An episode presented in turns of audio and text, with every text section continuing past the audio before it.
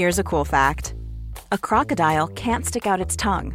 Another cool fact you can get short term health insurance for a month or just under a year in some states. United Healthcare short term insurance plans are designed for people who are between jobs, coming off their parents' plan, or turning a side hustle into a full time gig. Underwritten by Golden Rule Insurance Company, they offer flexible, budget friendly coverage with access to a nationwide network of doctors and hospitals. Get more cool facts about United Healthcare short term plans at uh1.com. Millions of people have lost weight with personalized plans from Noom, like Evan, who can't stand salads and still lost 50 pounds. Salads, generally, for most people, are the easy button, right? For me, that wasn't an option. I never really was a salad guy. That's just not who I am. But Noom worked for me. Get your personalized plan today at Noom.com. Real Noom user compensated to provide their story. In four weeks, the typical Noom user can expect to lose one to two pounds per week. Individual results may vary. This Mother's Day, celebrate the extraordinary women in your life with a heartfelt gift from Blue Nile. Whether it's for your mom, a mother figure, or yourself as a mom, find that perfect piece to express your love and appreciation. Explore Blue Nile's exquisite pearls and mesmerizing gemstones that she's sure to love. Enjoy fast shipping options like guaranteed free shipping and returns. Make this Mother's Day unforgettable with a piece from Blue Nile. Right now, get up to 50% off at BlueNile.com. That's BlueNile.com. Att lära sig en läxa. Den där jobbiga insikten av att något inte alls blev speciellt bra. Eller rakt av blev riktigt, riktigt fel. Ja, men det är ju jättejobbigt. Och i många branscher så är det ju faktiskt väldigt avgörande att lyfta, att kunna lyfta misstag som i vården. Eh, av rena säkerhetsskäl. Men det kan ju också vara väldigt jobbigt att berätta när det blir fel. Alltså det är ju jobbigt. Ja, och samtidigt så är det ju av våra misstag som vi ofta lär oss mest. Yep. Tänk potentialen hos en hel organisation att dra lärdom av sina misstag. Det ska vi prata om idag.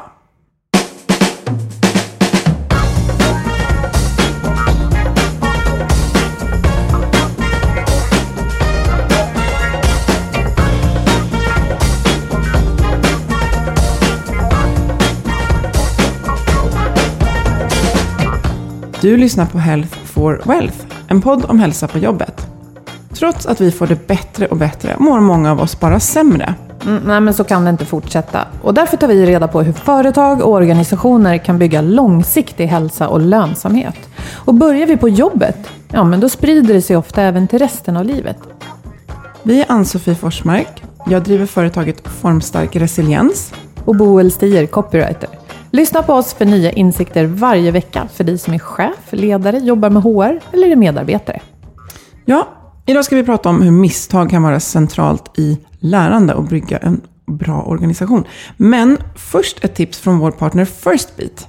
För med sin livsstilsanalys, som både jag och Boel har gjort, så hjälper de individer att fokusera på sin återhämtning. Ja, och det leder ju också till att organisationen, arbetsplatsen, blir friskare och kan prestera bättre och hållbart. Och vet du vad? Eh, om man behärskar sin stress, alltså det lät ju konstigt. Om man kan stå emot stressen, mm. menar jag förstås. Eh, och det gör man bland annat med återhämtning. Då gör man färre misstag. Mm. Det är kopplat då till dagens ämne. Nej, men vi gillar ju First Beat att de fokuserar just på återhämtningen. För jag tänker att själva mätandet annars kan ju i sig bli något som stressar. Oj, nu blir jag mätt. Vi testade ju som sagt livsstilsanalysen mm. och vi tyckte att det var bra gjort. Och även att eh, den coachning man fick var liksom vänlig. Eh, och det här att kunna stå emot stress, det är ju inte bara det att man kan ha för mycket att göra, utan det är lite så som världen ser ut idag, eller vad säger du? Ja, men det, det kanske är svårt att stresseliminera och då handlar det ju om att stresshantera och förstå att det behöver man ta tag i, för det, det kommer inte ske av sig självt. Och även om man har de resurser man behöver till sitt förfogande så kan det ju vara stressande att världen är rörig och förändras och att ingenting är riktigt säkert. Så kan det vara antingen man är medarbetare eller ledare. Och Um... First Beat har ju sett effekt eh, på det här på flera sätt. Både på sjukskrivning men också på eh, att man just när man får hjälp av livsstilsanalysen och förstår sina behov så kan man uppleva en ökad effektivitet. Och det det är inte alltid att vi måste öka effektiviteten, men det ökar välmåendet och välbefinnandet. Um, och genom den här analysen så får man också hjälp med att hitta rätt motionsnivåer. Och motion kan ju vara ett sätt att faktiskt vara, bara, själva stunden kan vara återhämtning, men det kan också öka vår förmåga att återhämta oss. Och så tänker vi bättre. Det och bara vi. det, bara en sån sak. Ja, du kan läsa mer på firstbeat.com och vi lägger förstås eh, en länk i inlägget som vanligt. Mm. Ja, men nu till misstagen. Jag är så sugen. Ja, och eh, vi upplever att det pratas väldigt mycket om det. Eh, att, eh, vad säger man, fail fast och fail, fail fast, learn fast. Men vi, vi ska inte fortsätta spåna om det här, utan vi har en väldigt klok och erfaren gäst med oss idag. Välkommen Jonas Dahl. Tack. Och vi pratade lite innan om din bakgrund som är lång och, eh, lång och gedigen. Men vill du kort berätta lite, vad gör du idag och lite kort, vad har du gjort tidigare? Mm, idag har jag egentligen eh, två stycken eh, områden jag jobbar med. Dels så är jag doktorand på Handelshögskolan där jag håller på med en avhandling och forskar kring det här temat vi kommer att prata om idag, eh, misslyckanden i organisationer. Och sen så arbetar jag också mm, min andra halvtid som konsult, organisations och ledarskapskonsult vid Gaia Leadership. Där jag är ute och hjälper eh, organisationer att skapa ännu bättre förutsättningar för att lyckas. Mycket med fokus på eh, chefs och ledarskap och eh, grupputveckling. Och vad roligt. Och du har affärs, alltså du har näringslivsbakgrund och kom in på forskningen från det hållet. Ja, precis. Jag, jag började min karriär, jag är civilekonom från början. Jag började den egentligen som, som inom marknads och försäljning inom ganska stora företag. Och jobbade med komplexa system för att utveckla affärer, kan man säga. Det var där jag började min karriär. Och sen blev jag mer och mer nyfiken. Jag har ju också en chefs, eh, mycket chefserfarenhet. Men då blev jag ännu mer intresserad att förstå hur hänger det här ihop mellan affärs och verksamheten och alla människorna där i organisationen. Hur får man det här liksom att hänga ihop på ett bra sätt? Och just det här med misstag, hur dök det upp som ett område som du ville studera? Jo, när man börjar och, och ska skriva en avhandling så, så ändras egentligen fokus många gånger. Det är liksom en lärandeprocess. Så att jag, I början var jag väldigt nyfiken på att titta på hur grupper kan utvecklas på ett eh, bra sätt. Eh, och jag hade tittat väldigt mycket på det här med kommunikationsmönster i högpresterande grupper. Men sen så när jag kom till handel så fick jag kontakt med Center for Social Sustainability. Eh, Centret för social hållbarhet vid Karolinska institutet som är ett tvärvetenskapligt forum. Och jag var där med min handledare och vi lyssnade och då har de bland annat compassion som ett av sina, liksom, medkänsla som ett av sina områden. Som de är nyfikna på. Och då började vi liksom nysta det här och sen eh, så kom jag in på det här med självmedkänsla, self-compassion. Som ett koncept som är intressant och även compassion i organisationer. Så där började jag titta ganska mycket. Eh, och jag är själv utbildad inom det området och har tränat väldigt mycket och jag har mediterat många år. Så jag blev nyfiken på det här. Men Sen, sen på något sätt så gjorde jag en liten pilotstudie eh, där jag intervjuade några chefer, för jag hade hittat en artikel som var väldigt spännande som, som visade att eh, projektmedlemmar, eh, om man har misslyckats i ett projekt, så visar det att vissa av de här projektmedlemmarna kom tillbaka och använde den här erfarenheten konstruktivt och positivt och tog ett nästa steg i sin karriär. Medan andra, de eh, insåg men jag har nog nått min begränsning och på något sätt eh, stannade kvar i sin utveckling eller till och med stagnerade. Och det visade sig att det var självmedkänsla som var skillnaden mellan de här.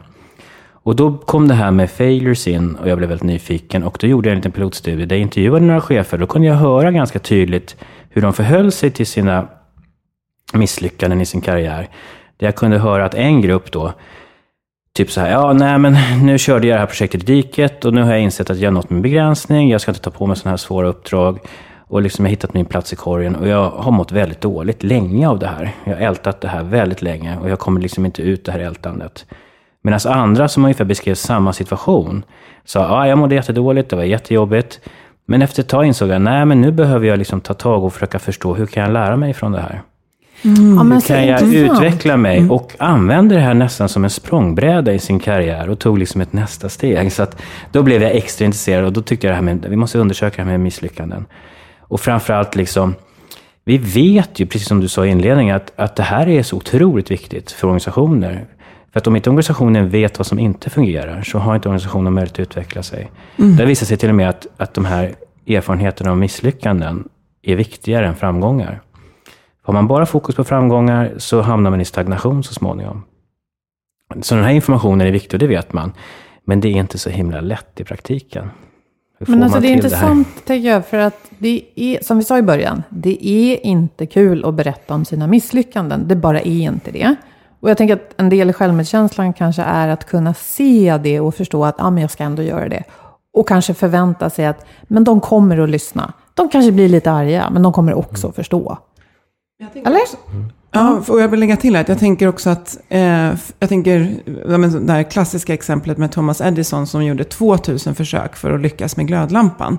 Om han hade tänkt så här, nej, det, jag är helt värdelös efter 500 försök, utan han, han var, jag är på väg mot lösningen. Och han kanske inte tänkte att det kommer ta 2000 gånger. Men hans, hans mindset var ju att ja, man fortsätter försöka. Um, jag vet inte, nu snurrade jag in mig i det här. Men att, Jo, men men att det är här, väldigt hur viktigt att förstå att det är en väg framåt. Att det måste vara en kultur i organisationen där vi vet att eh, blir, det kan inte bli rätt från början. Vem 17 gör rätt från början? Alltså det är bara titta på livet liksom. Vi bara övar. Så. Ja. Mm, ja, men absolut. Och man vet att, eh, att, eh, att göra fel och misslyckas, det är en del att vara människa. Och det är helt naturligt. Och, och, men, men just när vi kommer in i organisationssammanhanget så finns det en dynamik kring det här som gör det lite utmanande. Eh, Det är inte så himla lätt. Vad ligger den dynamiken och, utmaningen i? Är det... Ja. Jo, men det har visat sig, dels har det visat sig så här att, att det, nyttan är ofta större för organisationen än för gruppen när folk delar med sig av de här erfarenheterna. Men det innebär en stor risk för individen, för personen. Och det gör det på riktigt. För jag tänker, här sitter vi och säger att det är bra att dela misslyckanden. Men om du befinner dig i en tävlingsinriktad eh, organisation, då kan du ju åka ut. Ja, och du, du, det, vi, det jag har sett och min kollega i några studier vi har gjort, så är det så här, en av de största liksom, eh, hindren, det är eh, hur påverkas min image? Framförallt i de här organisationerna, vi tittar till som är konsultorganisationer, där det är en ganska hög liksom, insats. Du kan till och med kanske missa den här eh, befordran, du kanske missar det här häftiga uppdraget. Eller till och med så får du inte uppdrag så att du får in pengar, så att du kan leva liksom ett, eh, ja, få mat på bordet till och med. Så att eh, det har vi sett, och och många av de här konsultbolagen de kännetecknas av någon form av intern konkurrensutsatt arbetsmarknad. Där du behöver, ha, där du behöver vara attraktiv. Och vad händer då när du helt plötsligt börjar berätta om att "Ja, men jag har ju faktiskt misslyckats, eh, det här gick inte alls bra, det här gick inte alls som jag förväntade mig. Vilket egentligen är den definitionen vi använder för ett misslyckande. Det är när man uppfattar eller upplever att det inte här blev som jag tänkt mig eller som jag önskade. Och det är en väldigt subjektiv upplevelse. Ja, tänkte säga. Ja. Och det är skillnad mot fel och misstag som är mer objektiva, där du kan säga så här, nej men jag följde inte den här instruktionen, den här rutinen, jag avvek på några sätt och då blev det fel. Men ett misslyckande, det är en subjektiv upplevelse att nej men det blev inte som jag tänkte mig. Jag satte upp någon form av eh, önskan kring ett resultat eller ett mål och så nådde jag inte dit. Och då skapar du ett misslyckande i ditt huvud. Och det kan ju vara så att det är så att andra upplever det också, men det kan vara precis tvärtom hur andra upplever det. Du kan ju ha blivit ansvarig för ett projekt som kanske från början inte hade så goda förutsättningar och det blöder pengar och inget går bra. Och då faller den skuggan över dig på något sätt. Och försöker man då mörka, ja då borde man ju åka ut förr eller senare. Men, men jag tänker att det där är väl viktigt att förstå så snart som möjligt och kunna stå på de insikterna och lära sig. Men hur, hur mycket kan man... Jag tänker så här, det låter ju lite grann som att i fel organisation, där kommer eh, du aldrig kunna tala ut om dina misstag. Så att man måste någonstans förändra organisationen först. Eller? Ja, jag tror att man behöver jobba lite grann, ja, mycket med organisationer och de här, de här kontextuella faktorerna som jag kallar det för. Att det är omgivande, det som omger eh, människorna. Och det är ju samtidigt människorna själva som skapar det här, kulturen och normerna. Så att det är ett samspel hela tiden. Men det har visat sig, när, när till exempel en person då ska överväga, och jag, jag har varit nyfiken på att titta på hur gör man de här övervägandena inför ett eventuellt delande av, en, av ett antingen ett personligt misslyckande eller ett, ett gruppmisslyckande. Så hur överväger man? Och då ser man att man, man gör någon form av kalkylering av risker och nytta. Både för organisationen och för mig själv och kanske för min grupp. Och då väger jag de här och, och så länge jag inte liksom eh, kan säga så här, men vad kommer eventuellt att hända? Vad kan jag förvänta mig kommer hända när jag delar det? Hur kommer det tas emot? Så kommer jag troligtvis att dölja det. Eh, men om normerna är tydliga och jag vet ungefär, så här kommer de andra bete sig och, och, och, och bemöta mig. Då ökar sannolikheten att delar. Och framförallt också att man, man upplever att eh, folk är intresserade och att det tas om hand och eventuellt kan bli ett lärande så småningom. Det ökar sannolikheten att man delar. Sen är det också såklart att personer är olika också. Det är ju liksom, om jag har en, kanske en hög grad av självmedkänsla, då kanske jag är lite modigare och vågar ta risken. Eller om jag har en hög status i organisationen, har visat sig också. Då är jag inte lika sårbar, för då upplever jag som väldigt framgångsrik. Och eh, det har visat sig också att de här personerna med hög status är väldigt viktiga förebilder. För att vara... Ja, om de börjar dela Mm. och, och, och berätta om sina misslyckanden så hjälper de de andra att våga gå Självklart, där med. kan man nästan känna själv om man reflekterar att det, det, det, sätter, det sätter ju tonen from the top. Mm. Liksom så att det är, och, och har man, är man framgångsrik så gissningsvis så, så har man likt Edison gjort massa grejer som inte har fungerat speciellt bra. Men jag tänker att det blir väldigt, jag tänker orden blir viktiga också. Det här att ett, ett misstag, det kan, du, jag gjorde ett misstag idag. Men så här, jag har misslyckats. Det är mycket större. Men det blir så viktigt hur man, för som du säger, det behöver finnas i organisationen på plats att fånga upp det. Samtidigt som att oavsett hur bra det är, om vi har massor av människor med låg självmedkänsla så kommer det bli väldigt svårt ändå. Därför att det tar emot så mycket att blotta mig. Men det blir ju väldigt viktigt hur det tas emot. Om, om, om man i en grupp, om någon delar då ett miss och så får de andra se, ja men det ledde ju till ett lärande. Det ledde inte till att hen liksom inte blev befordrad eller tappade status i gruppen. Då börjar vi kanske bygga mm att det här är faktiskt någonting som vi gör och det tar oss framåt. Så jag, förstår det du beskriver, att vi behöver ju både jobba i organisationen, men hur, hur kan vi hjälpa individerna att öka sin självmedkänsla? Hur gör vi det i en organisation? Ja, men det är en jättebra fråga och, och den är också lite sådär, ja, vad får man liksom, hur mycket får man liksom ge sig in i individens liksom själ kan man säga här, för att vi ska lyckas som en organisation. Så att eh, det har, det har faktiskt inte gjort så mycket forskning idag på självmedkänsla utifrån ett organisatoriskt perspektiv. Man har tittat väldigt mycket på individperspektivet och i ganska många olika typer av sammanhang. Och där har det visat sig att det går att träna upp självmedkänslan. Eh, och eh, alla kan göra det. Och när vi gör det så visar det sig att vi blir mindre rädda att misslyckas. Eh, vi eh, blir mindre stressade, vi är mindre risk att bränna ut oss och vi grubblar mindre och vi skjuter upp saker mindre. Samtidigt som vi ökar välbefinnandet. Plus en andra massa andra positiva saker. Så det vet vi, det vet man redan. Och det finns framtagna sådana här program, träningsprogram, hur man jobbar med sin självmedkänsla för att eh, utveckla den. Det är framforskat. Men sen att ta in det i en organisation och börja jobba med personens självmedkänsla, där får man fundera också så här, är det bara ett sätt för att få folk att på något sätt härda ut ännu längre, om det är en eh, destruktiv miljö kanske, eh, som det är i många organisationer tyvärr, eh, inhumant. Eh, så man måste väga de där sakerna och det behöver vara på frivillig basis. Men jag skulle absolut säga att kan man få människor att vilja utveckla sin självmedkänsla så skapar man bättre förutsättningar för att öka eh, motivationen och villigheten och även kanske också kunskapen kring att de här erfarenheterna är jätteviktiga och det är egentligen helt mänskligt att dela de här och att, eh, att vara människa innebär att vi gör fel och vi misslyckas och det är oftast de erfarenheterna som gör att vi växer. Men när vi tar in det i ett organisatoriskt sammanhang så får vi också vara lite varsamma för att här finns det massa andra incitament som, som att tjäna pengar och, och eh, ja, sådana saker. Eh, och, och, och jag skulle säga så att, så att, så att absolut, och, bara att börja, en sak så, okay, hur kan man börja göra det här? Jo, men det är att börja prata om det med varandra. Och det har visat sig att när vi har tittat på det här, var, om man då väljer att dela eller berätta om sitt misslyckande, var gör man det någonstans? I, framförallt i de här konsultorganisationerna då. Då gör man det i de mindre sammanhangen. Men med två, tre, precis, två, tre mm. kollegor där man känner sig trygg. Och där det finns en hög grad av medkänsla. Där vågar man dela. Och det visar sig att det är också väldigt förtroendeskapande. Det bygger, det bygger tillit, det bygger eh, förtroende och det stärker relationerna. Så det är liksom, du får den positiva effekten också. Och, vi kommer närmare varandra. Ja, vi kommer, kommer närmare vi att bli effektivare och jobba bättre upp sedan. Absolut, och det bygger väldigt mycket tillit. Och det är en också tillit idag en, en utmaning i organisationer. Att det råder nog mer, mer tillitsbrist. För det har vi pratat om ganska många år, det här med trust. Så att det är ett sätt, och det, det, se, det såg vi i den ena organisationen att de, när jag frågade lite grann, men om ni skulle dela mer av de här erfarenheterna kring misslyckanden, vad skulle hända då? Jo, men vi skulle nog känna en mycket högre tillit till varandra mm. och vi skulle nog bli ännu bättre. Eh, mm. Både internt och externt. Men jag tänker att om eh, chefer och de här förebilderna blir bättre på att dela sina misstag. Så det, det låter ju som att det är där man måste börja någonstans. För som du säger, in och grotta i varje individ Ja, det kanske man ska.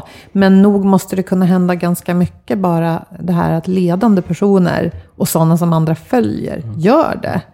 Men jag tänker också att om man nu delar misstag kan det vara viktigt hur man eh, sen också pratar om det. Jag menar till exempel, ja men vad kan vi lära oss av det här? Att man inte bara ska klä ett blödande projekt i lite snyggare kläder, utan ja men ska vi avsluta det eller kan vi använda det till någonting nytt? Så. Hur skulle du rekommendera en ledande person att göra? Ja, men jag skulle nog rekommendera chefer att, att vara modiga och, och, och dela mer. Eh, och samtidigt får man tänka att cheferna är också utsatta för ett, liksom, en power stress. För de har ju förväntningar ovanifrån att de ska leverera väldigt bra resultat och visa att sin verksamhet fungerar väldigt bra. Och så ska de helt plötsligt också då börja berätta att vi har massa saker som inte fungerar. Så det är inte så himla lätt för chefer heller. Utan det kräver ganska mycket styrka hos chefen, skulle jag kunna säga, att, att våga stå emot det här och vara liksom sårbar. Och det har visat sig att dels att det är viktigt att chefen eh, själv delar med sig av sina... Och när jag säger misslyckanden så pratar jag mest om arbetsrelaterade eh, saker. Inte som, behöver inte egentligen prata om privata misslyckanden, det kan man ju också göra. Men framförallt det som händer i organisationen, det är det som jag, jag fokuserar på också. Så det är en aspekt som är viktig att våga gå, gå liksom före där. Men också att om jag har en, en grupp jag leder, att, att liksom skapa bra forum strukturer som jag kallar det för. Där man liksom kan ha ett, ett litet eh, ett litet utrymme där vi delar både, det kanske är både framgångar och eh, misslyckanden som har hänt sista veckan eller sista månaden. Och det finns lite olika exempel på sånt. Och det har visat sig fungera väldigt bra. För att då vet man också vilka normer som gäller. Om jag berättar om det så vet jag att de andra kommer vara, vara intresserade och, och lyssna. Och att vi kanske också kommer ställa ett antal frågor kring hur kan vi kanske lära oss från det här? Det här var ju en viktig erfarenhet. Eh, och sen då, hur gör vi då den analysen? Hur tar vi det vidare i praktiken? Sen finns ett, ett till perspektiv som är viktigt för cheferna, för att det visar sig också att chefer är, är, relativt intoleranta mot misslyckanden och de har också väldigt svårt att sortera kring de här och då kommer vi också in på fel. Att vad är, är det här ett bra eller dåligt fel? Eller ett bra eller dåligt mm. misslyckande? Och, och Amy Edmondson har ju tittat ganska mycket på det här eh, i USA. Och hon har ju sett att eh, av alla de fel och, och misstag och misslyckanden som begås så är ungefär 2-3 procent, eller 2-5 procent av dem som man kallar blameworthy. Som, alltså, det, det är sådana som man verkligen ska liksom, typ hantera strängt. Det är oftast medvetna avvikelser, typ sabotage och liknande. Där folk ja, det blir lite ja. konstigt om man lyfter fram det som ja. hej Pelle för att du saboterade verksamheten. Svårt att koppla ja, men det är den typ, så, och det, det är så här, då, De är dåliga, de mm. är blameworthy. Men sen, alltså, och chefer agerar så i stort sett på alla typer av misstag, misslyckanden. Med på det sättet. Med repressalier och, och eh, framförallt lite grann att det är individens fel. Men sen har ju visat sig att nej, men ungefär 70 till 90 procent av de här är egentligen bra. Bra, alltså praiseworthy. För det beror på att det är systemfel, eh, det kan vara kompetensbrister, det kan vara att eh, personalen är utmattad, inte orkar ta bra beslut. Det finns massa sådana systemfaktorer. Och till och med kanske att i vissa verksamheter ska man till och med experimentera väldigt mycket och hela tiden testa saker för att lära sig av de erfarenheterna. Och då är de här bra. Det är lite grann det här eh, fail fast and intelligent eh, mm. i innovativa organisationer. Så, Så här finns det liksom en okunskap hos cheferna. De, de har inte idag kunskapen att kunna veta, men okej, okay, vad är det här? Är det här? Vad är det här för typ av mm. liksom, misslyckande? Och de flesta är inte medvetna från personer, utan de, är, de uppstår för att det är för, kanske för hög komplexitet och för stor oförutsägbarhet eller för dåliga förutsättningar för att man ska kunna liksom lyckas kanske med ett projekt eller med en produktutveckling eller vad det än må vara. Så här finns också ett, ett, ett, liksom någon form av fortbildning av chefer. Mm. Och självklart också hos medarbetare. Att, att de också förstår mer, liksom, att hur kan de gå tillväga när de ska berätta om det här på ett, på ett bra sätt. Eh, vad, finns det för, vad finns det för möjliga liksom, tillvägagångssätt. Vem kan de gå till och prata med och sådär. Och det där är, visar sig, det, det, det förekommer ganska lite av. Om, om, förutom då i de här högriskorganisationerna som du var inne på lite grann, det här med, med kärnkraftverk, flyg, eh, hälso och sjukvård, där, där liksom det handlar om liv och död. Det får inte göras fel och görs det ett fel så måste vi åtgärda det väldigt snabbt. Där finns det väldigt uttalade rutiner. Men, men i, i de övriga organisationerna som är, där finns inte det här. Det finns Nej. inga tydliga rutiner oftast Det- kring de här frågorna. Det jag hör dig beskriva det är att det, det är verkligen inget man bara, hörni, nu ska vi börja eh, lära oss från våra misstag.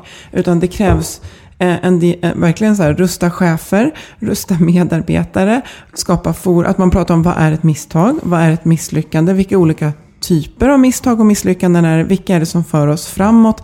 Man, jag menar, herregud, om man skulle gå igenom alla, hårdra alla misstag man gör under en dag, så behöver jag absolut inte lyfta alla för att det ska leda till lärande, utan vissa kan jag bara själv, ja, det där vart ju inte så bra, jag gör så här istället. Men att, att man behöver prata om hur man ska prata om misstag för att bygga in det i lärandet och att Eh, just, inte minst för att bygga den här tryggheten i att man känner att det är eh, precis som, som till exempel på ett kärnkraftverk där man vet att alltså här finns det inget alternativ. Här ska det fram därför att annars sätter jag mina kollegor och kanske hela världen liksom på Jag tänker på en risk. sak. I den typen av organisationer, vård, försvar och vad det nu är. Så nu gissar jag. Så är det väl sällan så att det är en enda person som är ansvarig för hela Sveriges kärnkraftssäkerhet eller vårdsäkerhet. Eh, och jag vet att jag läste något som du hade, en tidning där du var intervjuad. Eh, där du pekade på det här att om incitamentstrukturerna eller hur man jobbar ihop innebär mer delat ansvar. Alltså att man jobbar mer gemensamt. Där är man mer benägen att dela både framgång och misstag. Är inte det där en nyckel? Jo, men det, det, det har jag nog också konstaterat att de här incent, incent, vad heter det, incitamentsystemen, alltså det här hur blir vi belönade, är jätteviktiga. Och då har, har vi sett att där är väldigt mycket individuella belöningssystem. Så eh, skapar det en högre grad av konkurrens. Och då är folk mindre benägna att prata om sådana saker. Har vi mer kollektiva belöningssystem, incitamentsystem, så är man mer benägen att dela och prata. Så här är ett sätt att ganska enkelt kunna på något sätt ändra incitamentstrukturer. Sen vet vi att det finns ju massa med det performance management och talent management som är oftast är det här att man ska hitta liksom individer som är lite, lite bättre. Och det bygger också hinder. För att vi kommer tillbaka till det här med image. Om jag ska lyckas, då ska jag vara attraktiv och då måste jag hela tiden boosta min image. Och då vill jag helst inte prata om saker som inte går så bra eller där jag inte liksom blev som jag. Så det här är liksom, det är lite roligt, för jag måste säga, i en av organisationerna vi, vi utforskade, så när vi kom dit och frågade så här, kan inte vi få, få eh, prata med era människor här om, om hur de förhåller sig till misslyckanden? Och då bara, bara slog de tillbaka. Nej, nej, nej, nej, absolut inte. För det här, vi är liksom en framgångskultur och vi vill inte vara problemorienterade. Och liksom, okej, då, då förstod vi så här, man kan inte bara gå rakt in och säga, men vi vill prata om misslyckande. För det väcker direkt en, en negativ association. Och det är helt naturligt, för att så fort eh, jag hör från någon som har misslyckats, eller jag själv har misslyckats, så väcks det en negativ känslomässig reaktion. Det blir jobbiga känslor. Och de där vill vi oftast inte liksom kännas vid.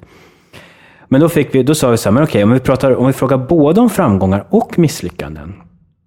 Vi frågar om både och. Är det okej då? Absolut. Då, och, och, och kring hur vi jobbar med feedback vill de veta också.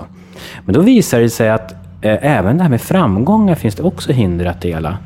För man vill heller inte liksom vara skrytsam. Ah, är det, Så är man det censurerar. Jante som slår ja, till? Eller? Jag, jag tror att det där är, dels är det nog lite jante, men jag tror att det där också finns lite generellt i, i alla kulturer. Att om man upplever att någon person är för skrytsam så finns det risk att den blir lite exkluderad. För att det finns lite evolutionärt sådär, ja, men vi ska faktiskt jobba mest liksom för kollektivet. Det har varit viktigt för oss. Men det såg vi också det här att det finns också hinder till framgångar. Och blir det en för stark framgångskultur också, eller för mycket liksom fokus på det positiva, så blir det också ett hinder. För då vågar, inte, då vågar jag till exempel inte dela, för det, tänk om jag riskerar att liksom vår framgångskultur, den här positiva kulturen vi har byggt upp, som ger så mycket energi, kanske liksom blir påverkad negativt. Mm. Så, så pratar vi om det kulturella ut. också. Ja. Här, Lite liksom. kejsarens nya kläder. Ja. Vem ska säga? Vet du vad? Anledningen till att vi är så framgångsrika, det är ju alla de här lärdomarna vi har dragit ja. av allting. Och så bara. Ja, men det blir intressant. Jag tänker på det, att eh, tänk om man skulle, precis, man säger så här, ska vi, ska vi titta på hur ni jobbar med lärande och specifikt hur ni lär från från när det inte blir helt, alltså precis det blir väldigt mm. viktigt med semantik, vad säger mm. man mm. runt det och hur pratar man om det så att det, för, för det är klart att det är ju sunt också att det inte klingar helt positivt med misstag och mm. misslyckanden, för de vill vi ju generellt bort ifrån. Det är ju helt sunt både på individ, grupp och organisationsnivå, men att se hur de eh, finns i system för att faktiskt bli framgångsrika, säkra, eh, trygga och bygga eh, liksom, tillit. För jag, jag tänkte lite på det att Ehm, att som du beskrev också det här att när till exempel en, en, en, person med status delar med sig av ett misstag. Och jag kan bara gå till mig själv hur jag upplever det när någon som man ser upp till som är helt perfekt bjussar på att de inte helt perfekta. Att, att mina axlar sjunker och jag ser inte ner på den personen. Utan jag, wow, du är ju mänsklig och får mer respekt.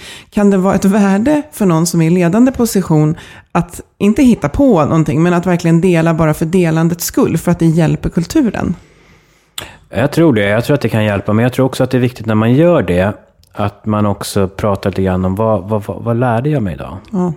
Liksom, vad blev min liksom att jag också hunnit reflektera lite grann kring det. För då tror jag att eh, det skapar det här att ja, men det är bra att vi delar det här, men vi har också, jag har också liksom funderat lite grann på hur kan det här liksom hjälpa oss? Ta det hela som vägen. Organisation. Mm. Eh, sen kan det ju vara så här att om, om, om jag jobbar i, en, i till exempel en ledningsgrupp där det finns mycket psykologisk trygghet, då kan man lägga upp det här på bordet helt oreflekterat, tycker jag, och säga att vet du vad som hände häromdagen i min organisation, eller min del av verksamheten? Det hände det här och jag, gjorde, jag tog ett beslut som var helt bara... Och jag mår jättedåligt av det just nu. Eh, jag behöver hjälp. Jag behöver wow. hjälp, för mm. nu, liksom, nu skakar det. Och, mm. och jag har inte ens hunnit, jag har varit så i sån liksom känslomässig affekt, så jag, jag har inte ens kunnat tänka på hur jag ska sortera i det här. Då är det ju en jättetillgång mm. att kunna göra det eh, i, en, i en arbetsgrupp till exempel. Mm. Och eh, få hjälp. Tänk om vi hade fler sådana eh, dialoger. För det låter jättebra. Ja. Det, det, man känner spontant, som du också har beskrivit, det är ju att när någon gör så, så väcks empatin mm. och medkänslan i oss. Men gud, jag vill hjälpa dig. Mm. Ja. Vi vill hjälpa dig lösa mm. det här. Mm. Eh, mycket mer kanske än om någon bara, det är som vanligt och så här, det rullar på. Alltså, mm. Det blir mer dynamik i gruppen och det tar oss framåt. Mm. Och jag känner ju också ett eget utrymme att den dagen jag går på en mina så vågar jag berätta om det och det gör oss bättre. Så någon måste börja, det är ja, lite grann det det handlar ja. om. Mm. Och, jag, och, och, om jag sitter med den här, om jag, har den här, om jag är den här chefen då som har gjort det här och känner att jag liksom har kört i diket. Om jag vet att det sitter någon annan i gruppen som troligtvis kommer använda det här emot mig, mm. kommer utnyttja det här, mm. då kommer jag vara tyst. Så att det här är, det är liksom känsligt också.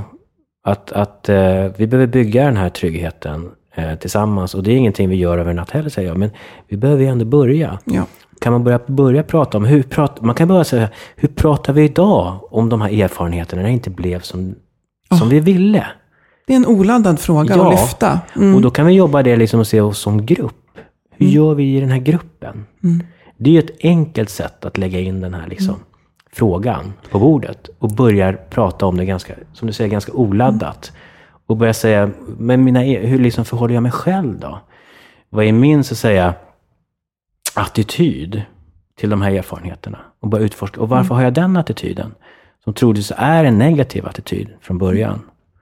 Och jag behöver ta, ta mig förbi det och liksom, då pratar vi lite grann om självmedvetenhet här. Mm. Som också är viktigt. Det där tycker jag var ett väldigt bra sätt att, att runda av, att skicka med det. Att eh, du som lyssnar kanske inte är, du kanske är chef, men du kanske inte är det. Men den här frågan den kan alla lyfta, för den lägger man upp på bordet. Det är inte att man tar den själv i knät. Hörni, hur, hur pratar vi om hur vi liksom lär oss från misstag? Och jag vill också säga att vi har ju poddat med Kristina Andersson från KI som eh, forskar på compassion. Och det avsnittet, vi kan lägga en länk till det. Mm. Det är ganska länge sedan känner jag när jag känner efter att. Men det, det riktar sig mer till individen och det kopplar väldigt väl an till det du pratade också om idag. Att det är viktigt med självmedkänsla. Eh, Jag tror att vi kommer komma tillbaka till det här ämnet. Jag har fått med mig någonting faktiskt, eller det får jag alltid, men nu har jag fått med mig något väldigt konkret som jag ska fundera på i min verksamhet. Ja, och jag tänker om man inte kan, om man befinner sig i en organisation där man inte har det här klimatet idag, eh, så tänker jag att något jag tar med mig, inte för att jag är en sån organisation, men som individen kan göra, det är ju att liksom klä sitt misstag i vad kommer det för lärdomar ut av det och kanske våga. Jag tänker också att kollegor kan hjälpa varandra när någon blir uthängd och säga Nej men hörru, att han delar med sig här, det lär ju oss något. Så jag tror vi alla kan göra någonting. Tack så mycket till dig för att du kom. Och är det något du vill skicka med här på... Jag, jag vill också bara säga så här att det är viktigt att komma ihåg att vi pratar, eh, vi har pratat väldigt mycket om misslyckanden här, liksom de sakerna som inte fungerar. Men jag vill också trycka på att vi ska prata om både och. Vi ska självklart också prata om det som går bra, våra framgångar som vi kan vara stolta över. Så att vi pratar om båda de här sakerna. Och är, de här sakerna, när vi pratar om båda också, hjälps det åt, har vi sett också. Att det är, en, det är liksom, ju mer vi delar både framgångar och misslyckanden så får det liksom en, någon form av eh, ja, påverkan på varandra. Så att vi pratar mer om det, de erfarenheterna. Ett plus ett blir tre, som Ja. man brukar säga. De hjälper varandra. Ja men fantastiskt. Tack så mycket för att du kom och tack för samtalet. Ja. Superintressant. Verkligen. Och, Vi ska eh, också rikta ett tack till våra samarbetspartners First Beat och Agda Media. Och du som lyssnar, prata gärna med oss och dela med dig av vad du har för tankar. Vi finns på LinkedIn, Facebook och healthforworld.se. Sköt om er. Ha det bra! Tack. Hej då! Hej då!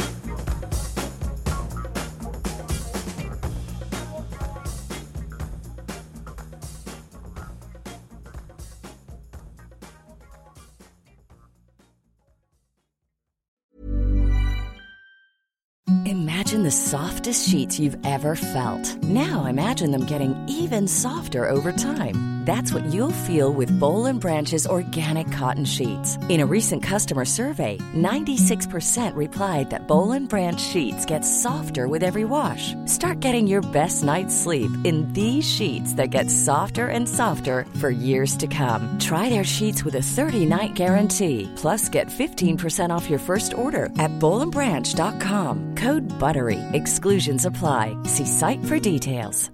Hi, I'm Daniel, founder of Pretty Litter. Did you know cats tend to hide symptoms of sickness and pain? I learned this the hard way after losing my cat, Gingy. So I created Pretty Litter, a health monitoring litter that helps detect early signs of illness by changing colors, saving you money and potentially your cat's life. Pretty Litter is veterinarian developed, and it's the easiest way to keep tabs on your fur baby's health right at home. Go to prettylitter.com and use code ACAST for 20% off your first order and a free cat toy. Terms and conditions apply. See site for details. Planning for your next trip?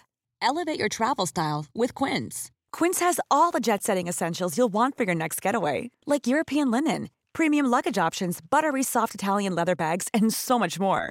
And is all priced at 50 to 80% less than similar brands. Plus, Quince only works with factories that use safe and ethical manufacturing practices. Pack your bags with high-quality essentials you'll be wearing for vacations to come with Quince. Go to quince.com slash pack for free shipping and 365-day returns.